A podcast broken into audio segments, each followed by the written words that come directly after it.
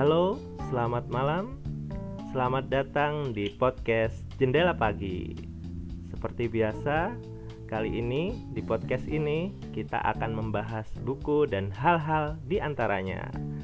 Nah, malam ini saya kebetulan beruntung sekali uh, mendapatkan kesempatan untuk mengobrol dengan salah satu editor uh, di penerbit grup Gramedia yang menyunting buku-buku dari penulis yang saat ini sangat terkenal penulis buku pengembangan diri yaitu Mark Manson yang bukunya sudah diterbitkan oleh penerbit Grasindo.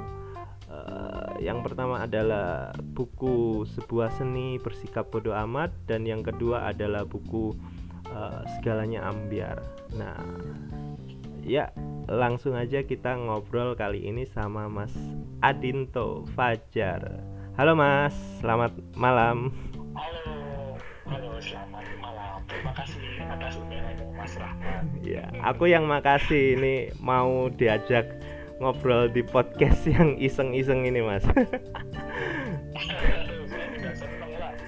Iya jadi gimana mas? Eh, mohon diperkenalkan secara singkat mas Adinto ini siapa dan di tempat kerjanya ngapain gitu. Terus nanti bisa cerita dikit tentang proses penerjemahan dan penerbitan bukunya Mark Manson mas. Silakan mas. Oke oke terima kasih. Ya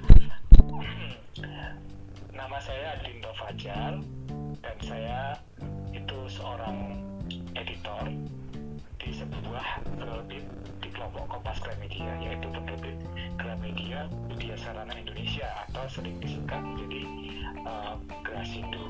Nah kebetulan saya sudah ya kurang lebih sudah uh, sekitar 8 tahun wah lama banget ya. profesi. Iya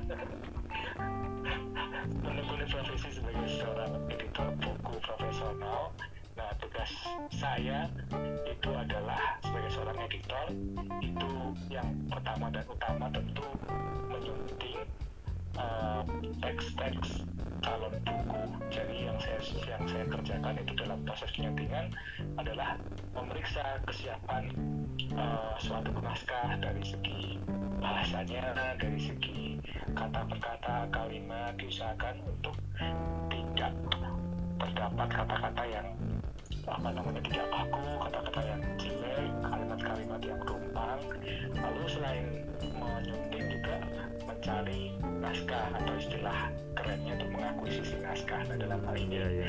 uh, itu yang disebutkan oleh Mas Rahmat tadi. Jadi beberapa ya dua tahun tiga tahun belakangan ini saya mengakuisisi naskah-naskah dari uh, Mark Manson yaitu seorang uh, penulis pengembangan diri yang ternyata ya alhamdulillah hits banget Indonesia. iya Iya, hits. iya, iya. karena aku lihat bukunya itu matching di mana-mana mas dari apa toilet umum sampai busway sampai KRL itu gila sih itu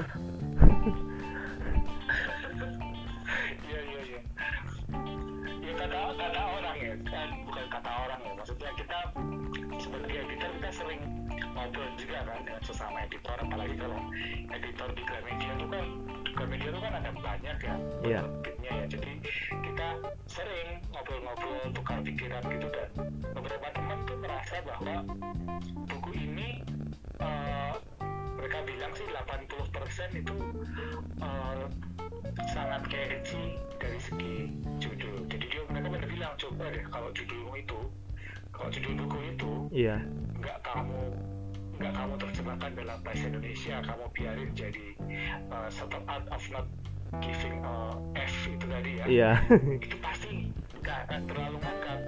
Memang kelebihannya memang uh, dalam bahasa Indonesia itu uh, kata bodoh amat itu memang sangat uh, sangat istilahnya dalam kalau anak-anak sekarang tuh sangat ngehits sangat relate gitu loh. iya relate relate Uh, Oh, oh, oh. relate, ngehit. jadi mereka membaca buku itu mereka sudah bisa kayak punya artian tentang perasaan isi buku itu. Iya.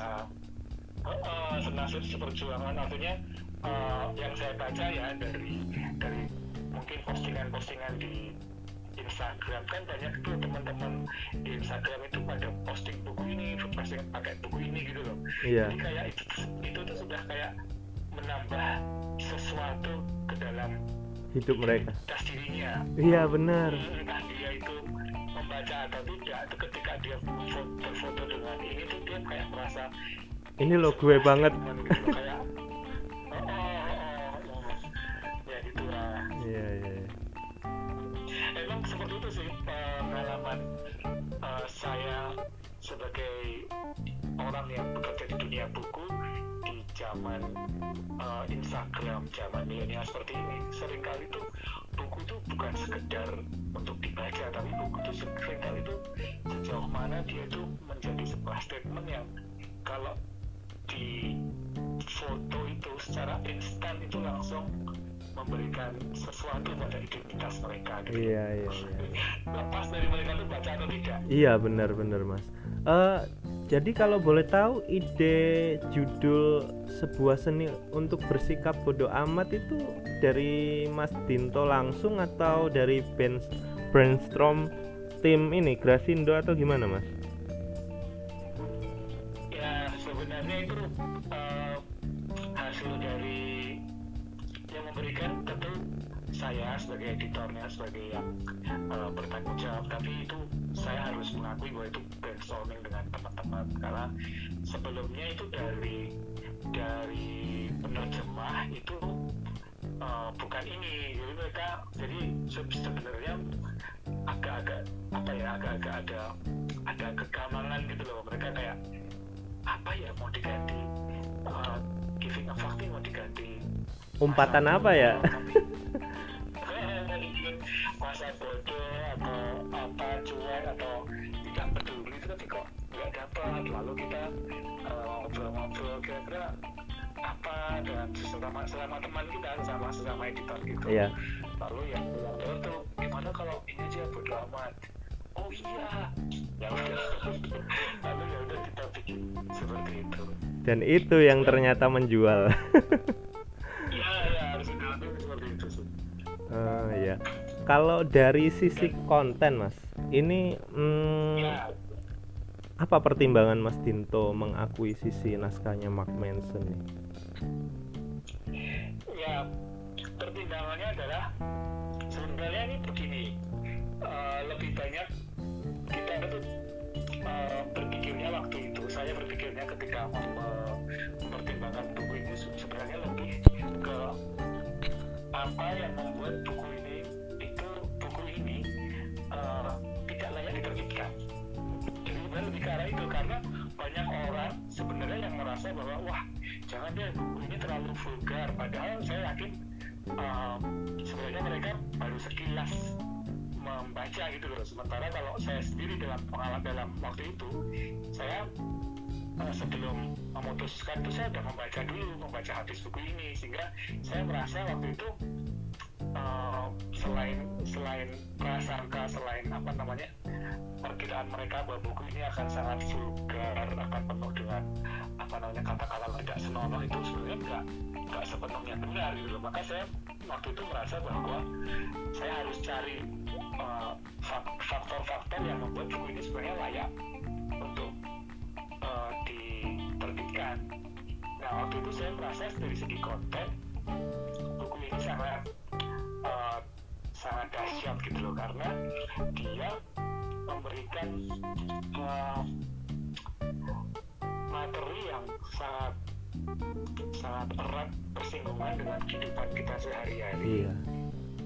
dengan gaya yang sangat dekat gitu dengan gaya yang seolah-olah itu tuh yang yang me- Temen ngobrol gitu ya mas ya? menulis itu eh, orang yang brengsek teman kita yang memang sudah bukan sekedar dia tuh sok-sokan tapi dia memang sudah benar-benar tahu luar dalam gitu jadi Oh, iya, iya. kalau dia bilang itu kalau dia bilang itu hidup itu eh, apa ya istilahnya itu hidup itu nggak seideal yang kita kira itu dia nggak sekedar ngoceh gitu. Karena memang dia memang uh, si penulis itu memang sudah benar-benar mengalami. semuanya dan yang yang dia alami itu realitas yang baru-baru banget gitu loh yang orang anak-anak sekarang tuh oh iya benar gitu. Yang iya yang dia iya. tahu benar gitu iya. Tapi dari segi ya dari segi dari segi itu tapi kalau mau lebih eh, apa namanya lebih seriusnya saya merasa bahwa Mark Manson ini dia memiliki pendekatan yang eh, untuk pengembangan diri ya untuk untuk iya. untuk teks-teks diri. Mark Manson ini memiliki pendekatan yang boleh dibilang dia realistis. Nah tentang tentang bersikap realistis itu adalah sesuatu yang menurut saya pada masa-masa ini di masa di mana kita dihimpit ditekan oleh simulakra gitu. Realitas hiperrealitas. Realitas yang realitas yang sifatnya itu cuman apa ya semu. muslihat atau muslihat atau iklan atau ya hal-hal yang nggak apa ya nggak terbayangkan di se- keseharian secara nyata itu lalu itu sangat relevan gitu loh. Karena kan kita selama ini kan dikepung ya oleh hal-hal kayak gitu lewat Instagram yang dulu mungkin kita nggak pernah tahu bagaimana nggak pernah bisa bayangkan bagaimana orang di misalnya di pedesaan di Gunung Kidul gitu ya yang sudah iya. sudah masuk wifi sudah masuk internet akhirnya mereka tahu realitas di di Amerika sana atau di atau atau di Jakarta misalnya bagaimana kenyataan itu nggak seperti yang sehari-harinya mereka rasakan. Sehingga tiba-tiba mereka merasa rendah diri, merasa kecil hati dan merasa dalam tanda petik miskin. Padahal itu adalah kesan kesan saja gitu loh.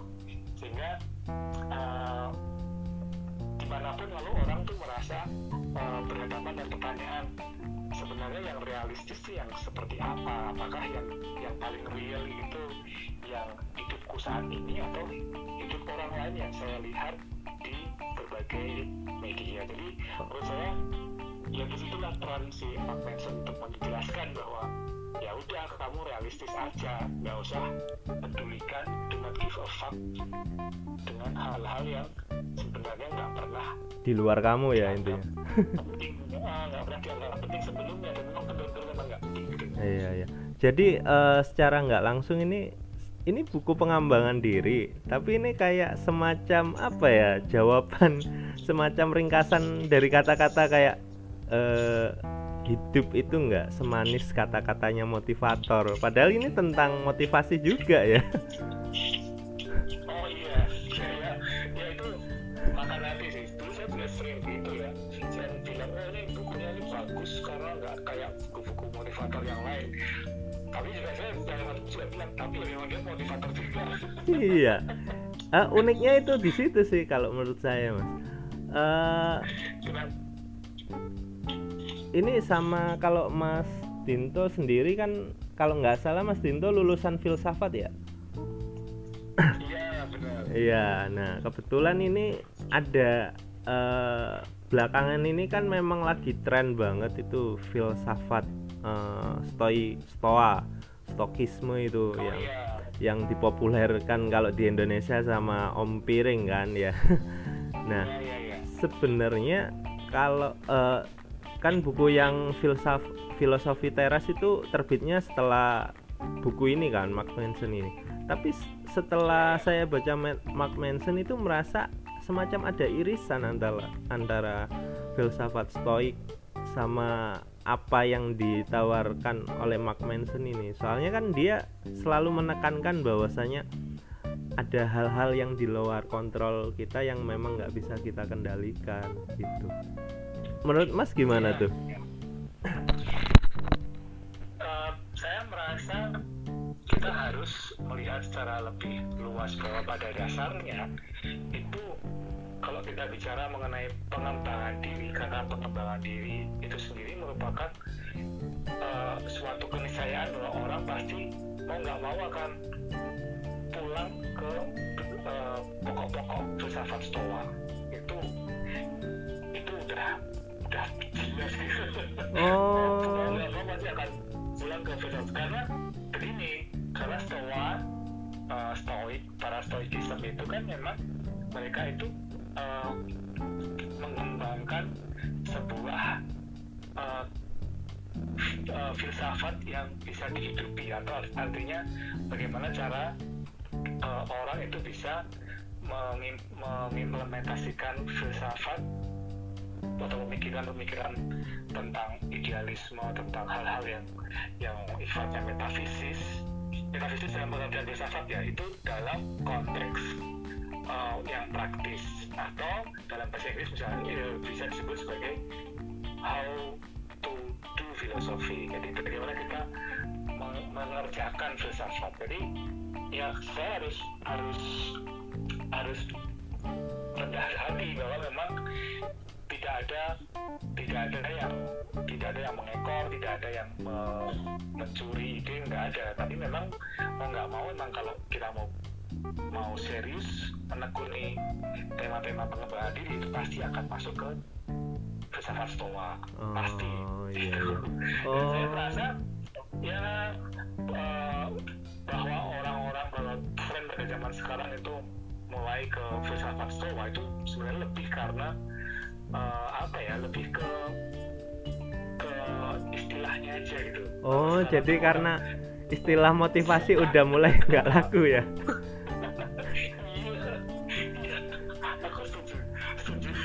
iya, iya, karena karena gini loh, Heeh, heeh. gini loh. em,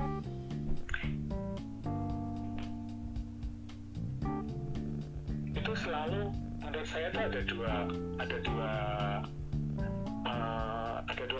besar motivator yang memotivasi kita dengan em, mimpi-mimpi dengan hal-hal yang ideal atau motivator yang mem- memotivasi kita dengan realitas-realitas atau hal-hal yang yang yang yang real. Keduanya itu penting keduanya penting. Tapi terkadang itu kita kalau tidak eh, jeli itu kita memilih gitu artinya ketika kita memilih mimpi merasa menegasikan yang real.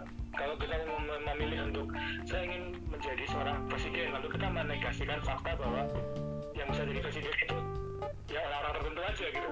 Itu kan realitas. Hmm, iya tetapi ya.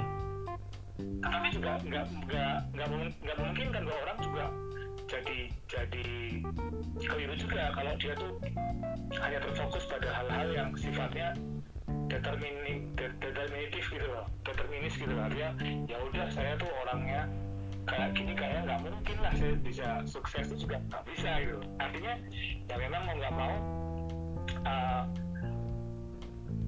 motivator itu ya memang harus seimbang di situ. Itu kita temui dalam buku-buku Mark Manson ya. Dia nggak merasa bahwa semua orang itu bakalan uh, jangan wah berhenti berhenti enggak. Tapi dia realistis bahwa ya memang kamu juga harus deal bahwa mimpi itu ada tapi harus kamu pilih gitu. Jangan cuma mendasarkan mimpi-mimpi atau hal-hal yang ingin kamu capai itu karena kamu apa namanya terpukau pada hal-hal yang sifatnya sebenarnya superficial. Oh, seperti iya, itu. iya, saya iya.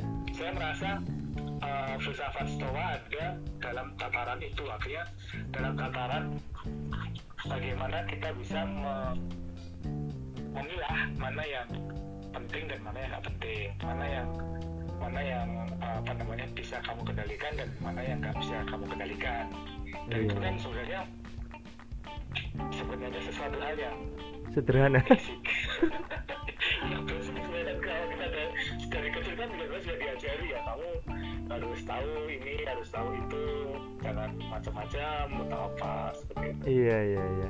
Eh, by the way, ini kalau saya sendiri ya mas dari saya baca buku ini tahun waktu itu kita kan juga ini ya mas ya ngadain beda buku pas baru banget eh, ini buku ini terbit. Dan kebetulan pas itu waktunya memang nggak pas sama Mas Dinto. Eh iya tahun berapa itu? 2018 ya? 18 Iya. Nah, itu kalau pas saya bahas itu kalau nggak salah saya menyoroti cerita-cerita yang ditawarkan Mark Manson nih cerita-cerita yang uh, menarik dan dan nggak semua orang langsung tahu gitu loh apa Iya, iya. cerita yang baru kayak yang rockstar itu yang siapa itu pemain band yang dibikin iri terus tentang serdadu Jepang atau apa itu itu kalau Iya, iya, iya. kalau menurut Mas Dinta sendiri itu ya salah satu nilai tambahnya dari buku ini ya mungkin ya Iya, benar. Jadi begini, dalam buku yang kedua itu yang segala-galanya ambiar, itu Mark Manson terang-terangan mengatakan hal itu. Artinya dia bilang bahwa memang kalau kita ingin memengaruhi orang lain, kalau kita ingin mengajak orang untuk apa namanya mengerjakan sesuatu, memotivasi sesuatu, baik secara verbal maupun lewat tulisan, itu kita harus banyak memberikan cerita. Karena ketika kita ingin menggerakkan orang itu kita berusaha untuk memengaruhi bagian otak perasanya atau dalam buku yang kedua ini disebut sebagai feeling brain atau otak perasa. Jadi itulah mengapa dia dia memang tahu segala teori-teori segala segala apa namanya konsep-konsep. Tapi tidak mungkin eh, kita ingin menjelaskan itu hanya dengan ber- kita taruh konsep-konsep itu. Karena itu nggak akan nggak akan bisa memotivasi orang. Maka dibuat se sericin mungkin menggunakan kata-kata yang menarik menggunakan cerita uh, cerita-cerita yang menarik, yang otentik, cerita-cerita yang yang yang tidak tidak apa ya, yang tidak membosankan gitu loh. Jadi Iya, iya. memang dari segi itu kita harus mengakui bahwa orang ini uh, hebat ya, orang ini mampu men- me- me- menjelaskan atau mengantarkan konsep-konsep atau teori atau sejarah-sejarah psikologi maupun filsafat itu secara sedemikian rupa sedemikian menariknya sehingga anak-anak muda itu bisa mau membaca gitu. Oh iya iya. Soalnya aku aku belum baca full sih yang buku segalanya Am- ambiar itu. Cuman sempat buka-buka buka-buka yang di toko buku yang udah bukaan itu memang sorry mas ini ini bukan karena aku nggak mau beli atau apa karena memang memang ini aja belum sempet beli aja mas ini memang banyak utang. Dan iya. Ya enggak itu mas itu ini aja ditimbun aja. Jadi eh, apa pas aku buka-buka itu eh, ada satu bagian di buku itu yang menjelaskan soal pemikirannya Nietzsche. Nah ini buku pengembangan diri ngap, apa eh, kok langsung ngutip langsung Ni- Nietzsche? Biasanya kan kalau motivator itu ngutipnya kutipannya doang tapi Nietzsche-nya nggak dikaitin. Kayak kayak Iya. yang apa apa pun yang tidak membunuhmu hanya akan membuatmu kuat bukan mati itu loh. Itu kan Nietzsche bukan sih mas? Bukan ya? Iya ya Nietzsche. Nietzsche. nah itu kalau nggak salah itu dia jelasinnya enak banget tuh di bagian itu. Itu kan itu kan filsuf yang istilahnya kalau di dunia filsafat atau buat orang awam itu kan angker kan Nietzsche tuh. Apalagi ke orang lihat kumisnya terus apa eh lihat apa itu kutipannya yang paling terkenal dan sering disalah tafsirkan Tuhan telah mati itu? Iya iya iya. itu kalau boleh tahu apa sih mas? Lupa aku. Itu bahasa apa sih yang Nietzsche tuh? Iya, ini ini memang eh, salah satu apa ya bagian yang bagian yang eh, istilahnya itu eh, problematis ya ketika saya ketika kebetulan kan saya yang menerjemahkan buku yang kedua yang segala-galanya ambiar. Nah, wah memang pada bagian pada bagian Nietzsche itu memang lalu saya merasa eh, kagum sekaligus pusing karena gimana caranya saya ha- eh, bisa eh, menerjemahkan atau mengantarkan materi ini eh, secara mulus gitu loh. Jangan sampai orang tuh membaca Nietzsche itu langsung di di apa namanya? Denial. Dibuat. Oh, oh, nah denial nah dia lalu merasa sudah berprasangka buruk tuh Nietzsche ini kan itu ya ateis ya. Atau Nietzsche ini kan eh, yang bilang ini nih padahal itu kan prasangka dia karena dia sama sekali mungkin belum pernah membaca langsung atau mungkin dia cuman dikasih tahu orang atau hanya sekedar membaca-baca dari internet dari blog seseorang itu ya. Iya. Nah, memang di dalam buku Skenario Ambiar itu uh, Nietzsche menjadi salah satu filsuf yang pemikirannya banyak disorot oleh si Manson dan harus diakui bahwa Manson itu cukup uh, banyak uh, mengelaborasi uh, tokoh ini. Nah konteksnya konteksnya itu adalah bahwa um, ini agak-agak agak-agak itu ya apa namanya uh, apa istilahnya itu? Uh, spoiler. Iya iya nggak apa-apa mas. Ini kan biar orang mau beli bukunya juga. Jadi mengapa kita harus uh, berpaling pada Nietzsche itu karena Nelson melihat bahwa zaman modern itu adalah zaman ketika orang itu dengan mudahnya itu meninggalkan Tuhan atau menganggap Tuhan itu tidak relevan. Mengapa?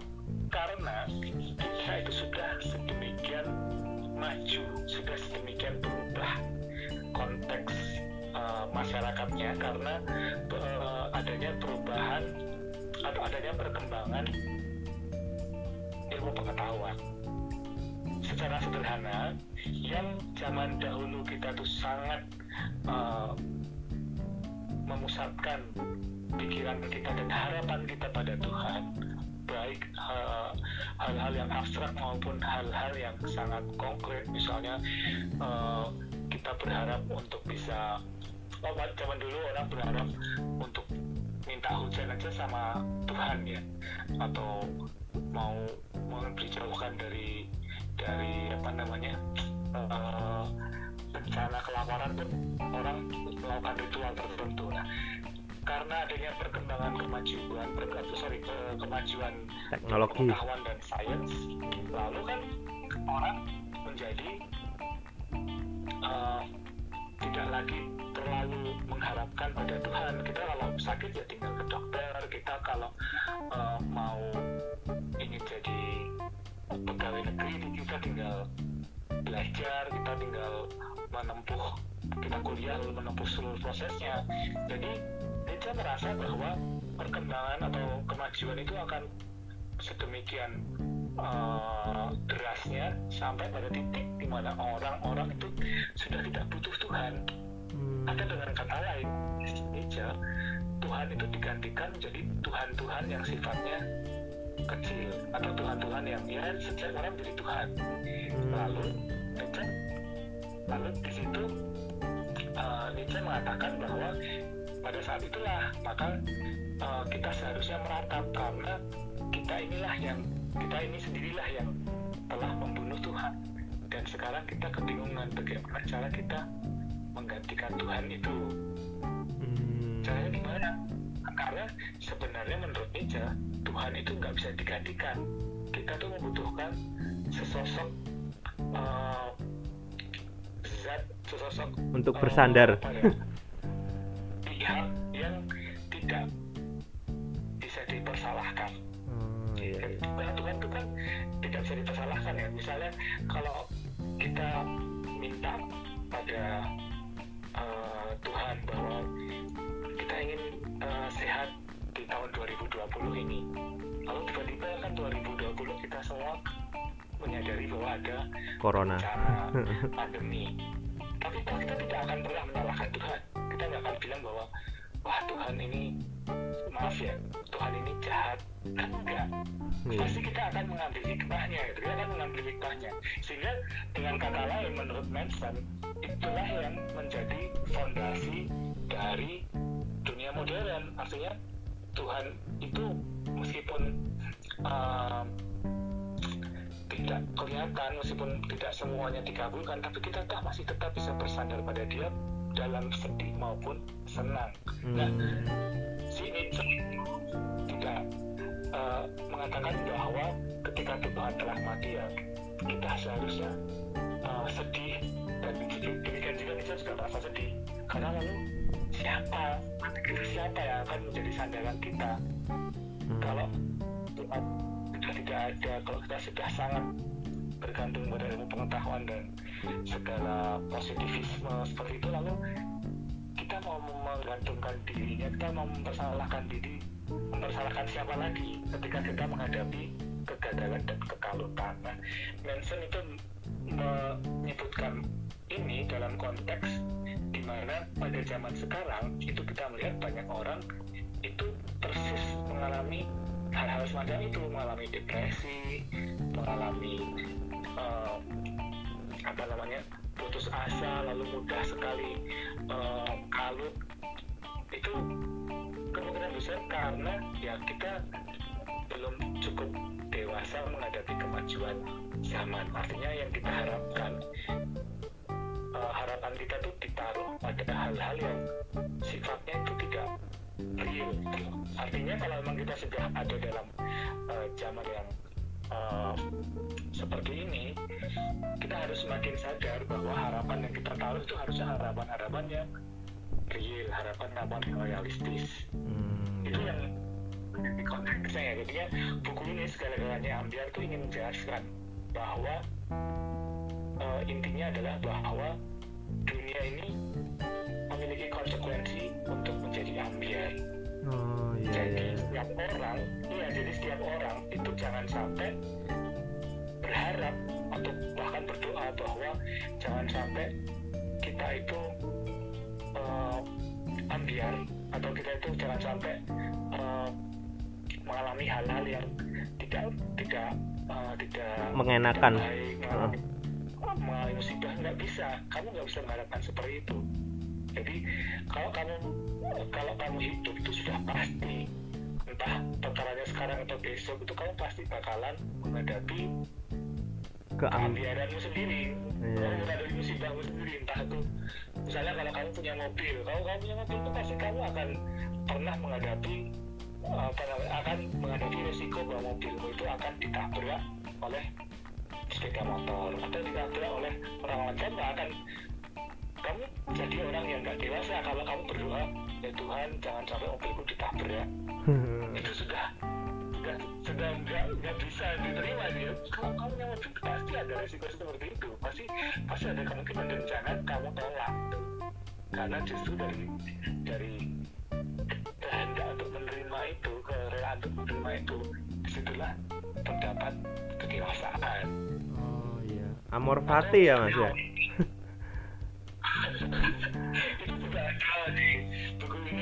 mengatakan nomor satu juga. Waduh Oh, iya. saya salah. Mas saya Enggak itu kan sebenarnya istilah itu juga kayaknya tren juga deh ini. Ada bukunya juga itu yang judulnya gitu. Oh iya. Iya. Eh, mas sama ini. Kalau teman-teman ini mau beli bukunya masih banyak ya ini ya? Masih dicetak ulang terus kan ya selama permintaan masih ada itu pasti akan jangan khawatir pasti akan akan tetap, tetap dapat mudah ditemukan di pasaran baik secara online maupun offline. Oh iya. Kayaknya eh, kemarin ini diskon besar-besaran Gramedia juga ada tuh masih ada tuh dua-duanya. Iya. Iya iya. Diskon itu ya Shopee atau ya kan di on, Iya. Sama ini Mas, kira-kira pesan buat teman-teman kenapa sih kita harus eh, baca buku ini gitu? Kenapa sih kita perlu baca buku ini gitu? Buku baik yang eh, sebuah seni untuk bersikap bodoh amat atau yang segalanya ambiar. Kira-kira apa Mas? Alasan kuat kenapa kita harus baca buku ini?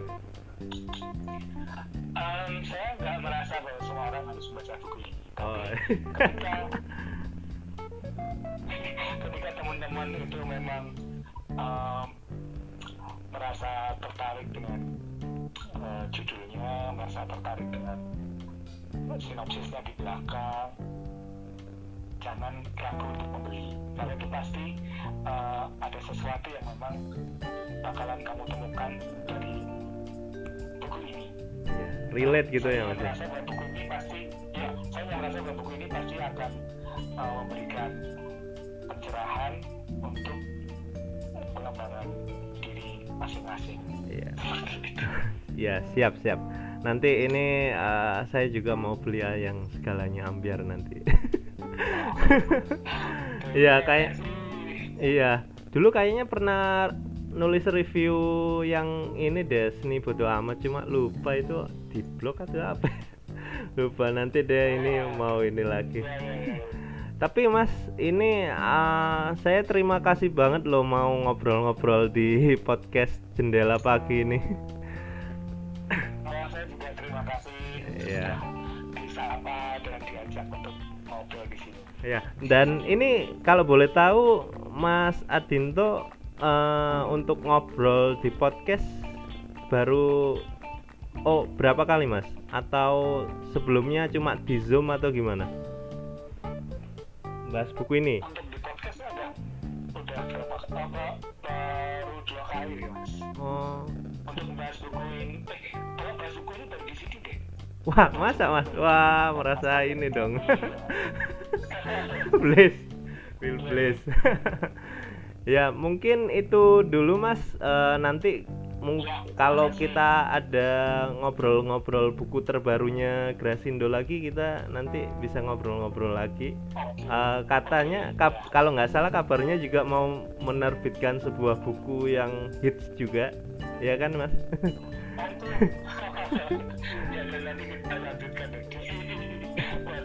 Iya iya siap siap.